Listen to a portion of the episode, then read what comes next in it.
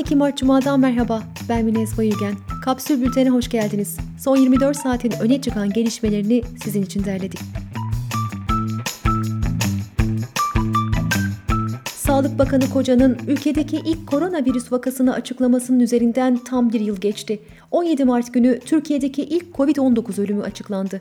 Bakanın aktardığına göre Çin temaslı çalışanından virüsü alan 89 yaşındaki bir eczacı hayatını kaybetti. Sağlık meslek örgütlerinin sıklıkla talep ettiği en az 2 haftalık tam kapanma hiçbir zaman gerçekleşmedi. Bunun yerine hafta sonu ve bayram dönemlerinde sokağa çıkma kısıtlamaları uygulandı.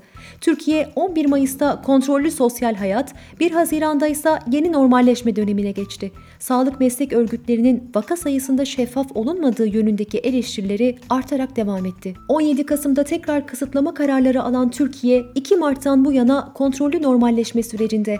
Türkiye Tabipleri Birliği'ne göre bakanlık tıpkı vaka sayısında olduğu gibi aşı ve varyantlar hakkında da şeffaflıktan uzak.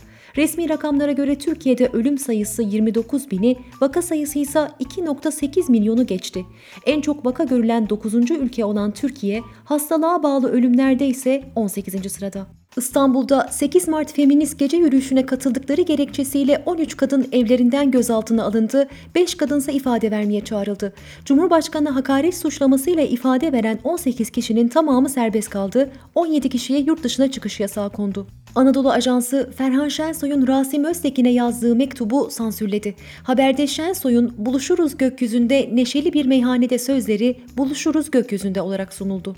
Ankara Ulus'ta yeniden inşa edilecek İller Bankası binasına ayrılan alandaki kazıda insan kemikleri bulundu. Mimarlar Odası kemiklerin Ermeni ve Katolik mezarlığındaki cenazelere ait olduğunu ve kazının hukuksuz olduğunu söyledi. Boğaziçi Üniversitesi'nin Almanya'daki partneri Karl von Ossieski Üniversitesi, Boğaziçi'ndeki baskı ortamı nedeniyle işbirliğinin durma noktasına geldiğini belirtti. Protestoların 48. gününde Boğaziçi'li akademisyenler atanmış rektör Melih Bulu'nun 8 Mart için verdiği hediyeleri iade etti. Gezi eylemlerinde polisin attığı gaz fişeğiyle başından vurulan Berkin Elvan ölümünün 7. yılında mezarı başında anıldı.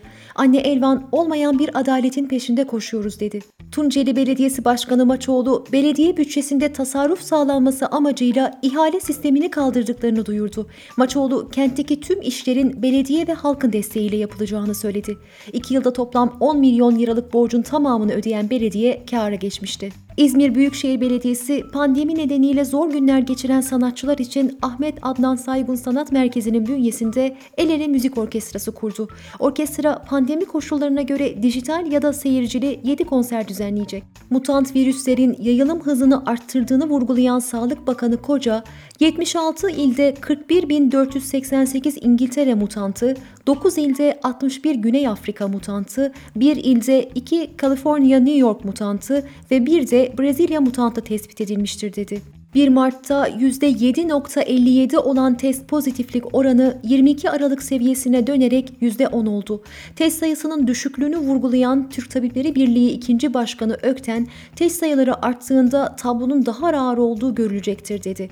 Bilim Kurulu üyesi Profesör Doktor Serap Şimşek Yavuz ise varyantların da katkısıyla 3. piki yaşamak üzereyiz dedi.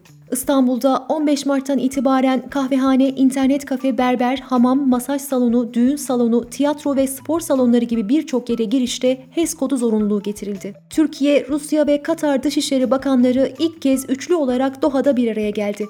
Bakanlar Suriye'nin toprak bütünlüğüne destek ve ayrılıkçı hareketlere karşı ortak mücadele mesajı verdi. Amsterdam Belediye Başkanı Halsema, 23 yaşındaki Türkiye kökenli yazar Lale Gül'ün güvenliğine yönelik ciddi tehditler bulunduğunu söyledi. Gül, Hollanda'da doğup büyüdüğü katı İslami ortamı eleştirel bir dille anlattığı Yaşayacağım romanı nedeniyle ölüm tehditleri almıştı. Videm Enstitüsü'nün 2021 demokrasi raporuna göre Türkiye son 10 yılda en çok otoriterleşen 3. ülke oldu. İlk iki sırada ise Polonya ve Macaristan var. Fransa'da akran zorbalığına maruz kalan 14 yaşındaki bir kızın cesedi nehirde bulundu. Gözaltına alınan iki öğrenci cinayetle suçlandı. İşsizlik Sigortası Fonu'nun toplam varlığı son 6 yılın en düşük seviyesine geldi. Geçen yıl Ocak ayında 131 milyar lira olan toplam fon varlığı 9 Mart itibarıyla %28.29 eridi.